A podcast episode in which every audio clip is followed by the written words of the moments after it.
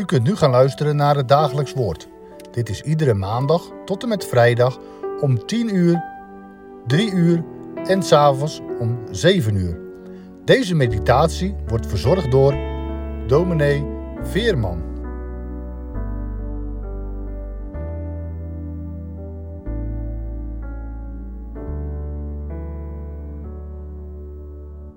Beste luisteraars, we lezen met elkaar Marcus 14 vanaf vers 27. En Jezus zei tegen hen, dat zijn zijn discipelen, U zult in deze nacht allen aanstoot aan mij nemen, want er is geschreven, Ik zal de herders slaan en de schapen zullen uiteengedreven worden. Maar nadat ik opgewekt zal zijn, zal ik u voorgaan naar Galilea.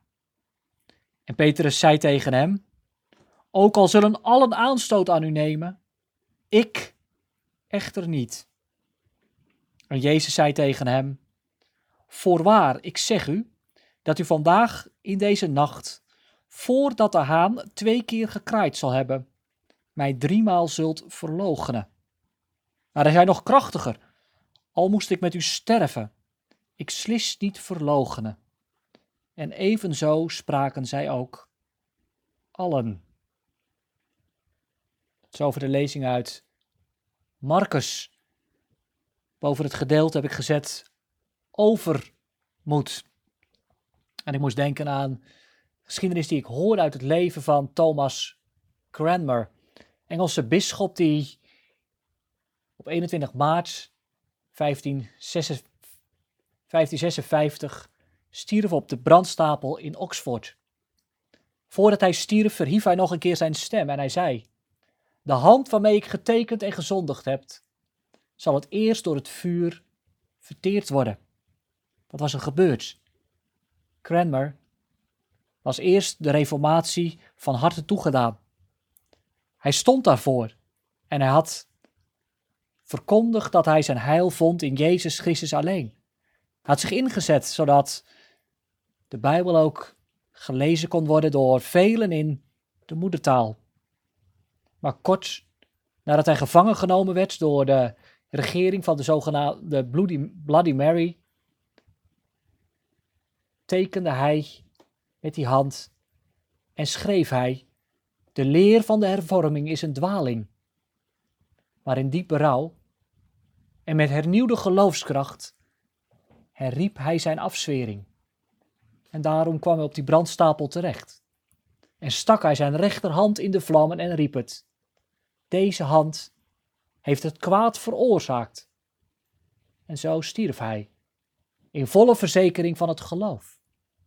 En hij wordt wel eens de grootste Engelse aartsbisschop genoemd. Wat een pijn voor deze man.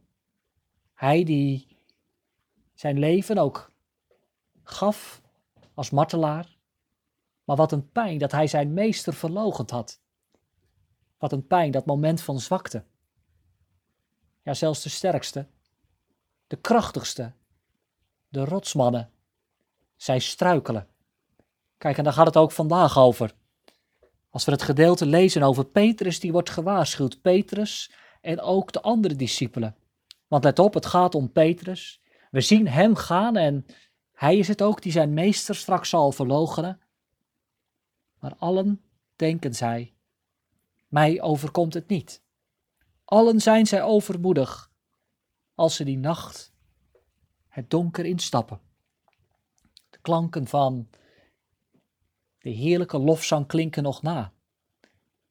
Jezus en de discipelen, ze hebben de lofzang gezongen, het Hallel, nadat zij het avondmaal hebben gevierd. Van die heerlijke tafel, waarin Christus spreekt over zijn leven, van het, zijn bloed van het nieuwe verbond waar hij spreekt over het brood dat gebroken wordt. En hij zegt: Dit is mijn lichaam. Gaat de route naar buiten. Het donker in. We kunnen zeggen: het gaat van het licht naar het donker.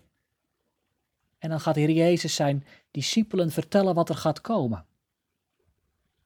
U zult in deze nacht allen, niemand uitgezonderd, aanstoot aan mij nemen. Want dit is de nacht waarvan geschreven staat dat de herder geslagen wordt en de schapen uiteengedreven zullen worden. Bekend beeld. Beeld uit de profeten. De herder die geslagen wordt en de schapen die alle kanten uit verdreven worden. Zo zal het in die nacht gaan. De herder, dat is de goede herder. Dat is de Heer Jezus. De herder, een bekend beeld in Israël. De herder die zorgt voor de schapen. De goede herder die stelt zijn leven en geeft zijn leven voor de schapen. Zo is de Heer Jezus. Zo geeft hij zijn leven om zondaren zalig te maken. Het haakt bij Petrus. Het haakt ook bij die andere discipelen. Wat er gezegd wordt over de opstanding en het voorgaan naar Galilea, dat laat Petrus zo het ene oor ingaan en het andere oor weer uitgaan. Wat hij gehoord heeft is dit. Jullie zullen aanstoot aan mij nemen. Jullie zullen uiteengedreven worden. En dat raakt Petrus. Diep in zijn hart. Want zo iemand wil hij niet zijn. Niet iemand die bij het minste of het geringste op de loop gaat. Niet iemand die zijn meester zomaar in de steek laat. Nee, meent hij, op mij kunt u vertrouwen. Van mij kunt u op aan.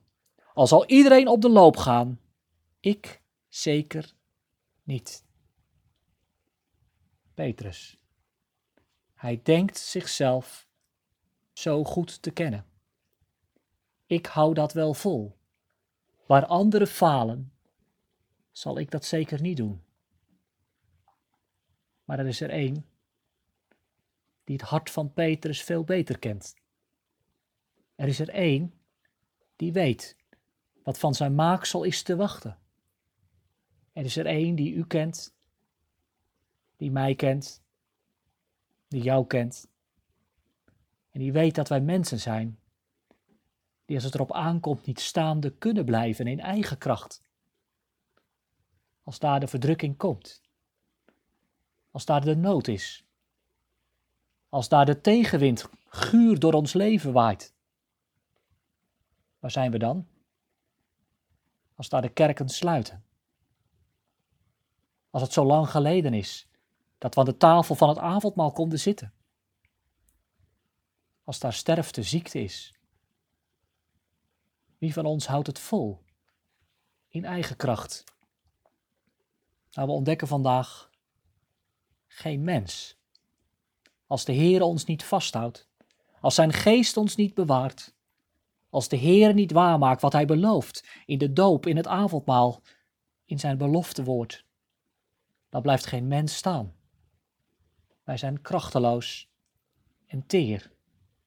En dat is wat de Heer Jezus zegt tegen Petrus. Voorwaar, zeg u, voordat de haan twee keer gekraaid zal hebben, zult u mij driemaal verloochenen. Het dringt niet door tot Petrus. Het brengt hem op dit moment nog niet tot zelfkennis. En ook de andere discipelen niet, want zij sluiten zich gelijk bij Petrus aan. Nee, meester, zo zal het niet gaan. Ze vergeten het om het bij de Heer te zoeken. Zij vergeten het om te bidden. Leid ons niet in verzoeking, maar verlos ons van de boze. En daarom leren wij het vandaag met Jezus, van de Heer Jezus. Dat zijn kracht niet in onze kracht wordt volbracht, maar in onze zwakheid. Erken het voor Hem, Heere, als U mij niet vasthoudt, dan blijf ik niet geloven, dan blijf ik niet getuigen, dan blijf ik niet bidden, Bijbel lezen, naar de kerk gaan. Maar ik heb het nodig dat U mij vasthoudt. En daarom, als het nou gaat om de beproeving, om de verzoeking, waar naartoe? Nou, naar die goede herder. Ik lees van hem, we horen vandaag van hem. De herder wordt geslagen en de schapen uiteengedreven. Er is een herder, een goede herder, Jezus Christus, die zijn leven gegeven heeft aan Golgotha's kruis.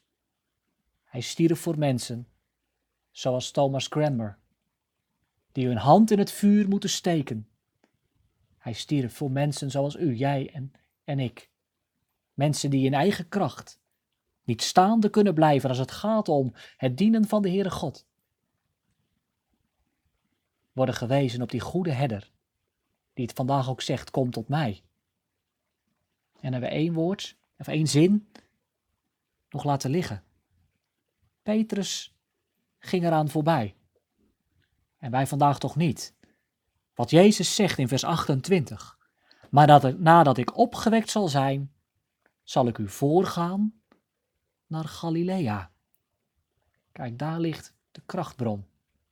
De opstanding van de Heer Jezus. En zo klinkt er hier, midden in de lijdenstijd, een paasboodschap. Jezus, die sterft aan het kruis, is ook degene die opgewekt wordt, opstaat uit de dood om het leven te geven. Hoe blijf ik staande in beproeving? Nou, niet door in de zonde te blijven liggen, maar door te leven van wat de opgestane Heer Jezus biedt, door te leven van Zijn genade. En daarom, zie vandaag op Hem, die stierf van Golgotha's kruis. Zie op Hem, van van wie we mogen zingen. Geen graf hield Davids zoon omkneld. Hij overwon die sterke held. De opstanding van de Heer Jezus zorgt ervoor dat zondaren staande kunnen blijven. En dat zie ik ook, hoe dat werkt op de Pinksterdag.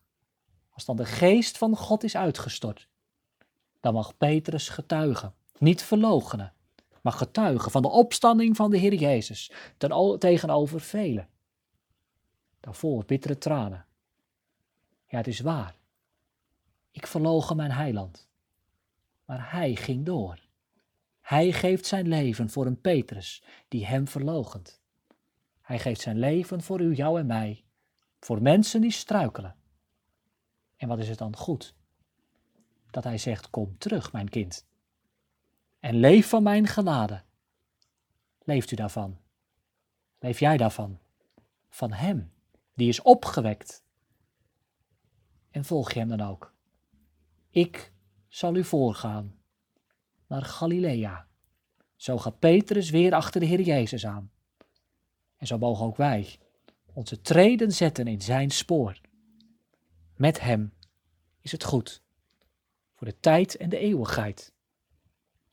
Door de geest wil God ook genade geven, zoals aan Cranmer, aan Petrus en aan velen. Amen zullen danken. Heren, wij danken u voor het woord wat u ons geeft, dit dagelijks woord. Heren, geef ook dat het ons mag bemoedigen en dat we het mee mogen nemen voor ons hoofd en hart. En heren, wanneer wij dan soms in zwakheid vallen in zonde, houdt u ons dan ook vast. Heren, dat we mogen leven van de opstanding van u. Voed u ons daarmee voor de tijd en de eeuwigheid. Heren, wij bidden u dit dat u ons bewaart ook in verzoeking. Heere, leid ons niet in verzoeking, maar verlos ons van de boze, want van u is het koninkrijk en de kracht en de heerlijkheid tot een eeuwigheid. Amen.